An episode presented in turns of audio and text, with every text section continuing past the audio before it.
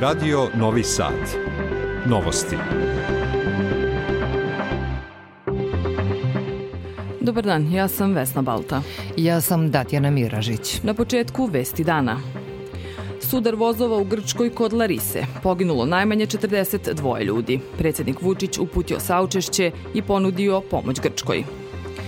Budućnost Srbije je u Evropskoj uniji, poručila predsjednica Evropske komisije Ursula von der Leyen u razgovoru s predsjednikom Vučićem. Nastavljene borbe u Ukrajini. Pokrajinska vlada i OEPS imaju dobru višegodišnju saradnju. Ocenjeno na sastanku šefa misije OEPS-a u Srbiji Jana Bratua i predsjednika pokrajinske vlade Igora Mirovića. Srpsko narodno pozorište predstavilo rezultate rada kao i prestojeće planove. U Vojvodini sutra oblačno s mogućom kišom, temperatura do 9 stepeni. U Novom Sadu sada je 7. Najmanje 42 osobe su poginule, a njih 130 je povređeno kada se putnički voz sa više od 350 putnika sudario sa teretnim vozom u blizini grada Larise u centralnoj Grčkoj. Međugradski putnički voz sudario se velikom brzinom sa teretnim vozom, što je izazvalo i požar u velikom broju putničkih vagona, pri čemu, se najviše put, pri, pri čemu je najviše putnika i nastradalo. Ambasador naše zemlje u Grčkoj Dušan Spasojević istakao je da među nastradalima nema naših državljana. Još se ne zna uzrok istraga je u toku. Najverovatnije da je u pitanju ljudski faktor. Broj mrtvih, e, nažalost, raste iz minuta i minuta. Ovo je jedno od najvećih železničkih nesreća u poslednjih 30 godina u Grčkoj. Možemo slobodno da kažemo da je u pitanju tragedija nacionalnih razmera. Nema podataka da ima srpskih državljana među povređenima i među poginulima. Ambasada je u stalnom kontaktu sa lokalnim vlastima i to je zaista ogromna, ogromna nesreća. Povodom teške, teške nesreće u Grčkoj je proglašena trodnevna žalost. Predsednik Srbije Aleksandar Vučić uputio je grčkom narodu i premijeru Kirijakosu Mitsotakisu saučešće i izrazio spremnost da naša zemlja pruži svaku potrebnu pomoć. Budu... Budućnost Srbije u Evropskoj uniji poručila je predsjednica Evropske komisije Ursula von der Leyen u telefonskom razgovoru s predsjednikom Aleksandrom Vučićem i pozvala na preduzimanje daljih važnih koraka na tom putu. Vučić je istakao odlučnost Srbije da nastavi reformske procese radi boljeg života svih građana i dostizanja statusa punopravnog člana u Evropskoj uniji. Predsjednik je izrazio zahvalnost Evropskoj komisiji na pomoći i podršci u razvoju i modernizaciji energetske i transportne transportne infrastrukture u Srbiji, kao i na ličnoj posvećenosti koju predsednica komisije von der Leyen pruža evropskom putu naše zemlje. A predsednik Aleksandar Vučić razgovarao je telefonom i sa predsednikom Azerbejdžana Ilhamom Alijevom, koga je obavestio o toku dijaloga u Briselu kao i o neophodnim dodatnim konsultacijama zbog kojih je sprečen da učestvuje na samitu kontakt grupe pokreta nesvestanih zemalja u Baku. Vučić je naveo da će Srbiju na samitu predstavljati ministar ministar spoljnih poslova. Istakao je i da Srbija pridaje veliki značaj sveobuhvatnim bilateralnim odnosima sa prijateljskim Azerbejdžanom, koji se zasnivaju na uzajamnom poštovanju i razumevanju i međusobnoj podršci. Predsednik Azerbejdžana Alijev je naglasio da veoma ceni srpsko-azerbejdžansko strateško partnerstvo koje beleži snažan uspon zahvaljujući odličnim ličnim odnosima dvojice predsednika i stoga izrazio očekivanje da će i ova godina biti uspešna za bilateralne odnose s Srbije i Azerbejdžana. Predsednik Aleksandar Vučić je rekao da su šanse da se evropski predlog promeni nikakve. On je rekao kako je spreman da pregovara o implementacionom planu, ali ponuđeni sporazum neće da potpiše. Sporazum o sveobuhvatnoj normalizaciji odnosa Srbije i Kosova, čak i da je potpisan u ovom trenutku, ne predstavlja akt priznanja nezavisnosti, eksplicitan je u svojoj tvrdnji profesor međunarodnog prava Vladimir Medović. Opširnije Boro Lazukić. Ne želimo da razgovaramo o međusobnom priznanju, poručio je Vučić, dok je on predsjednik ističe neće potpisati formalno ni neformalno priznanje Kosova ni članstvo u Ujedinjenim nacijama. Posledice su direktnog odbijanja dakle plana, zaustavljanja evropskih integracija, mnogi će reći wow, bravo. Samo što zaboravljaju da to znači prestanak daljih investicija, značajno smanjivanje nivoa zaposlenosti, odnosno povećanje nivoa nezaposlenosti u narodnom periodu, rekli su direktno povlačenje investicija. I onda dolazi treća stvar i niz drugih sveobuhvatnih mera kako bismo pokazali naš odnos prema vama, uključujući i to da bi vaša zemlja postala parija, odnosno da bi bila izolovana od sveta. Analizirajući tekst ponuđenog sporazuma o normalizaciji odnosa Srbije i Kosova, profesor međunarodnog prava Vladimir Medović polazi od činjenice da je srpska strana insistirala da nema više pregovora oko zajednice opština sa srpskom većinom, definisane sporazumom zaključenim 2013. Ono što je novost u tom delu, ukoliko ovaj sporazum konačno bude potpisan, jeste što se precizira odgovarajući stepen samouprave za Srbe u skladu sa instrumentima Saveta Evrope i evropskim iskustvima. Prema njegovim rečima to znači da ova stvar još nije do kraja precizirana i da su moguće iznenađenja u smislu povećanja nadležnosti ove zajednice. Sve će zavisiti znači naravno od toga u kojoj meri će Priština ulaziti u međunarodne organizacije i ono što Priština u stvari najviše želi, a na čega Srbija ima izvestan uticaj, to je članstvo u nacijama. Ono što Srbija najviše želi, a to je obezbeđenje visokog stepena samouprave srpskog stanovništva na Kosovu. I upravo oko ovih pitanja će se vojiti završni pregovori pre potpisivanja konačnog pravno obavezujućeg sporazuma o sveobuhvatnoj normalizaciji odnosa među Srbije i Kosova. Ukoliko ne bude većih iznenađenja, profesor Vladimir Medović misli da su stvari dovedene do samog kraja i da bismo do kraja marta mogli da očekujemo svečano potpisivanje ponuđenog sporazuma. Pitanje zahteva Kosova za članstvo u Interpolu skinuto je sa dnevnog reda izvršnog komiteta Interpola. Prema saznanjima novosti, njihov zahtev je bio u prvom nacrtu dnevnog reda, ali ga u konačnom nema. Svet. Ruske snage noće su granatirale Dnjepropetrovsku oblast, a u napadu je oštećena saobraćena infrastruktura, kao i industrijska postrojenja i dalekovodi u Nikopolju, saopštio je guverner oblasti Sehr Lisjak. Žrtava nije bilo, prenosi Kijev Independent. Ministarstvo odbrane Rusije je saopštilo da je vojska sprečila pokušaj masovnog napada dronovima na Krim. Oboreno je šest bespilotnih letelica, dok su četiri onesposobljene elektronski. U napadu nije bilo žrtava, niti je načinjena šteta, navode u saopštenju. Portparolka Ruskog ministarstva spoljnih poslova Marija Zaharova je izjavila da je Rusija zabrinuta zbog mogućnosti ukrajinske provokacije u blizini Moldavskog Pridnjestrovlja, gde Kijev, prema njenim rečima, i ovako podstiče tenzije. Predsednik Ruske federacije Vladimir Putin zvanično je potpisao zakon kojim se suspenduje učešće Rusije u novom start programu, poslednjem velikom preostalom sporazumu o kontroli nuklearnog naoružanja sa Amerikom. U tom zakonu navedeno je da Ruska federacija suspenduje ugovor sa Sjedinjenim američkim državama o merama za dalje smanjenje i ograničenje strateškog ofanzivnog naoružanja, potpisan u Pragu 8. aprila 2010. godine. Putin je ranije ocenio da Zapad želi da zauzme Rus ruska nuklearna postrojenja i da je zbog toga prinuđen da saopšti da Rusija obustavlja svoje učešće u sporazumu o strateškom ofanzivnom naoružanju. Finski parlament usvojio je zakon kojim se toj zemlji omogućava da postane članica NATO-a nezavisno od Švedske, odnosno da te dve zemlje ne moraju istovremeno da postanu članice alijanse. Usvajanje zakona ne znači da će Finska automatski ući u NATO kada Turska i Mađarska ratifikuju njeno pristupanje toj organizaciji, ali donosi i krajnji rok do kada će Finska čekati na susednu Švedsku da istovremeno uđu u NATO. U novostima još jedna vesti sveta. Turska agencija za upravljanje katastrofama saopštila je da je broj žrtava razornih zemljotresa u toj zemlji veći od 45.000 ljudi, a ukupan broj nastradalih u potresima koji su 6. februara pogodili Tursku i Siriju porastao je na 51.000. Samo u Turskoj povređeno je bezmalo 110.000 ljudi, podsjeća Reuters. Slušate novosti Radio Novog Sada. Pokrajinska vlada i OEPS imaju dobru višegodišnju saradnju u brojnim projektima. Ocenjeno je na sastanku predsednika pokrajinske vlade Igora Mirovića i šefa misije OEPS-a u Srbiji, ambasadora Jana Bratua.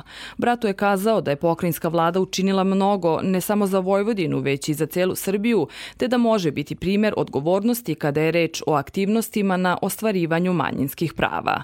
Mirović je naveo da pokrajinska vlada konkretnim primerima pomaže pomaže očuvanje jezika, pisma, tradicije i kulturnog nasleđa svih nacionalnih manjina koje žive u Vojvodini. Autonomna pokrajina Vojvodina je kroz javni konkurs ponudila 33 miliona dinara za sufinansiranje projekata i programa za unapređenje prava nacionalnih manjina, odnosno nacionalnih zajednica. Za programe vojvođanskih Mađara namenjeno je 15 miliona 400 hiljada dinara, a iznosi veći od 3 miliona su predviđeni za sufinansiranje projekata Roma, Hrvata i Slovaka, saopštila je pokrajinska vlada. Prema iznosima podrške na kraju spiska 12 nacionalnih manjina su projekti za Ukrajince, Nemce i Čehe. Suma od milion sto hiljada dinara ponuđena je za projekte ostalih nacionalnih manjina koje nisu posebno pobrojene. Predlozi projekata i programa za koje se traži pokrajinsko sufinansiranje mogu se podneti do 10. marta. U naredne četiri godine u šest gradova u Srbiji biće realizovan projekat Posao po meri koji će osobama s invaliditetom pomoći da ostvare pravo na jednak pristup zapošljavanju, najavili su organizatori u Novom Sadu. Reč je o projektu koji Američka agencija za međunarodni razvoj finansira sa 2 miliona dolara, a nosilac je Forum mladih s invaliditetom uz podršku Fondacije Divac, Smart kolektiva i Centra za nezavisni život osoba s invaliditetom. Više o tome zna Miljana Kočić. Novi Sad, Subotica, Zrenjanin, Beograd, Valjevo i Niš od septembra će obezbediti kancelarije i obučene savetnike koji će osobama sa invaliditetom pružati podršku u zapošljavanju, objašnjava Jovana Krivokuća Milovanović iz Foruma mladih s invaliditetom podrška da ih informiše, savjetuje, da organizuje različite vrste radionica, znači obuke, zahvaljujući projektu, znači uspeli smo da pokrijemo, odnosno da obezbedimo sredstva za različite vrste i obuka i radne prakse i karijernog vođenja, savjetovanja i sl. Novi Sad, čiji će savjetnik biti smešten u kancelariji Caritasa, već je preduzeo brojne mere i programe zapošljavanja, a pokazalo se da su one imale efekta na smanjenje predrasuda kod poslodavaca kad je reč o osobama s invaliditetom, objašnjava Lidija Tomaš iz Gradskog veća za socijalnu i dečju zaštitu. I imamo situaciju da su obično, da kažem, te osobe veoma odgovorne, posvećene poslu, imaju izraženu želju i motivaciju za učenjem i napredovanjem. I pokrinjski sekretarijat za privredu priključit će se projektu Posao po meri, a već je kroz svoje konkurse dodelio 100 miliona dinara privrednim subjektima koji imaju zaposlene s invaliditetom, kaže resorni sekretar Nenad Ivanišević. Najavljuje i novi program. Ta naša ideja jeste da u našem novom programu prekvalifikacije do kvalifikacije u IT sektoru koji kreće od sledećeg meseca posebna mesta za besplatnu prekvalifikaciju do kvalifikaciju odvojimo za osobe s invaliditetom. Planirano je da do jula 2026. hiljadu i po osoba s invaliditetom unapredi veštine potrebne za zapošljavanje, kao i da se unaprede kapaciteti do 200 poslodavaca voljnih da zaposle osobe s invaliditetom. Biće uključeno i više od 100 donosilaca odluka na lokalnom i nacionalnom nivou a umrežavanje poslodavaca i kandidata već je omogućeno preko portala zapošljavanje.fmi.rs. Danas se obeležava Dan civilne zaštite. Tim povodom održana je radna sednica gradskih, okružnih i opštinskih štabova civilne zaštite Južnobačkog upravnog okruga na kojoj su analizirani organizacioni problemi. Detaljnije Milan Rakić. Značaj civilne zaštite je izuzetno veliki i to se posebno vidi za vreme prirodnih katastrofa. Poslednja se desila u Turskoj i Siriji, kada je zemljotres odneo mnoge živote i prouzrokovao velika materijalna razaranja – Ljudske živote u tim zemljama spasavali su i naši spasioci, kao i vatrogasci koji su dali veliki doprinos. Tada se video značaj dobro osposobljene jedinice civilne zaštite, istakao je načelnik Južnobačkog upravnog okruga Milan Novaković, zahvalivši spasiocima i vatrogascima što su dali svoj doprinos u spasavanju života kako u našoj, tako i u drugim zemljama u vreme prirodnih nepogoda i katastrofa. Imali smo poplave 2014 imali smo snežne nanose i tako dalje.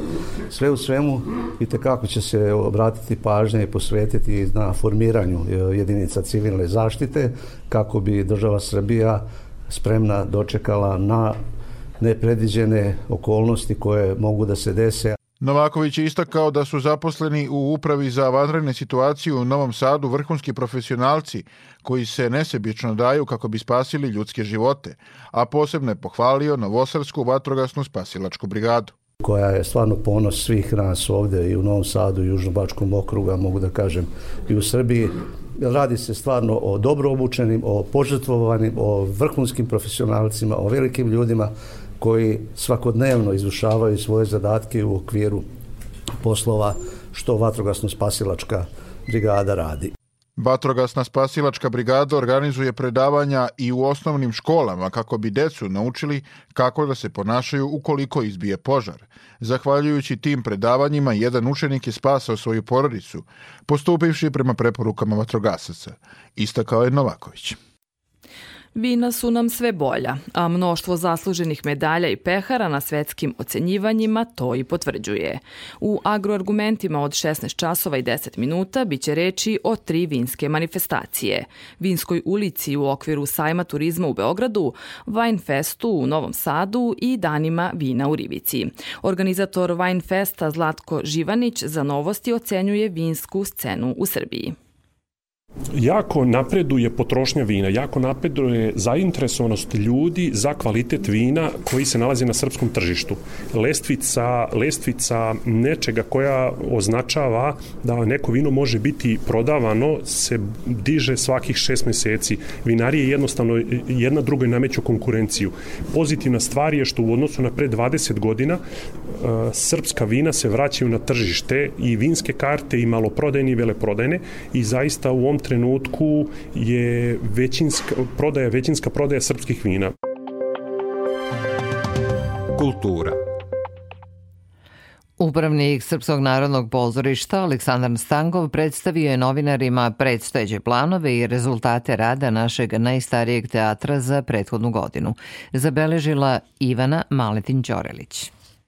U Srpskom narodnom pozorištu do kraja meseca biće održane dve premijere. Evanđelje po Dostojevskom, slovenačkog reditelja Jerneja Lorencija 17. marta, dok će za dan našeg najstarijeg teatra 28. marta biti premjerno izvedena opera Evgenije Onjegin u koprodukciji sa Narodnim pozorištem u Skoplju i Teatrom Kopola u Kataniji. Nakon više decenija, obe pozorišne scene biće obnovljene – Veliki infrastrukturni radovi procenjeni na oko 112 miliona dinara i uz podršku pokrajinske vlade počeće u aprilu, objašnjava upravnik Srpskog narodnog pozorišta Aleksandar Stankov. Uradit ćemo veliku rekonstrukciju e, rotacije na velikoj sceni, e, potpunu rekonstrukciju male scene e, Pera Dobrinović. Imamo sanaciju konzole na samom ulazu u Srpsko narodno pozorište, tako da ovaj, ono što nam je bitno to je naša publika. Stankov kao glavni prioritet u radu navodi angažovanje mladih umetnika. Njih 18 zaposleno je prošle godine koje je obeležilo 15 premijera u sve tri umetničke jedinice. Posle pandemije zabeležen je porast broja posetilaca što nagoveštava još jednu uspešnu godinu. Na radio televizije Vojvodine i radio televizije Republike Srpske imaju višedecenijsku uspešnu saradnju. Prvi program radija već pet godina uživo radi jutarnji program nazvan Na tri vode zajedno sa Radio Beogradom 2, dopisništvom Radio Beograda iz Niša i Radijom Republike Srpske. Zajednički program sa Radijom Republike Srpske emituje se utorkom i petkom od 7.15 do 8 časova. Generalna direktor direktorka RTRS-a Dijana Milanković je prilikom posete RTV-u i sastanka sa VD generalnom direktorom naše medijske kuće Jožefom Klemom istakla da je cilj susreta proširenje saradnje koje se neće bazirati samo na informativnim emisijama, već i na razmeni dokumentarnog, zabavnog i sportskog programa, kako na radiju, tako i na televiziji. Danas smo ovde da razgovaramo o formalizaciji tog jednog partnerskog odnosa, o eventualno mogućnosti potpisivanja nekog sporazuma o tehničkoj operativnoj saradnji i zapravo o e, modelima unapređenja te naše postojeće saradnje kroz eventualnu razminu programskih sadržaja od dokumentarnog do, do zabavnog programa kako bi i naši gledaoci, a i gledaoci TV Vojvodine bili u mogućnosti da vide programske sadržaje iz naše produkcije, odnosno iz produkcije TV Vojvodine.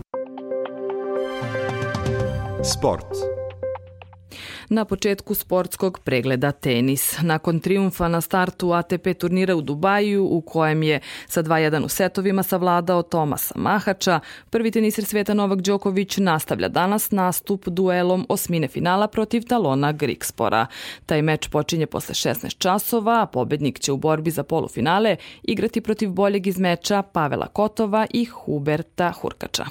Odbojkašice jedinstva i Stare Pazove nastavljaju i danas nadmetanje u Challenge kupu revanš mečom polufinala u kojem u Rumuniji igraju protiv Lugoša. U prvom, prvom duelu jedinstvo je na svom parketu slavilo sa 3-2, pa im je za prolaz potrebna pobeda. Danas će biti odigrana poslednja utakmica četvrt finala Kupa Srbije za rukometaše. Od 19 časova u Aranđelovcu se sastaju domaći Šamot i Novosadska Vojvodina.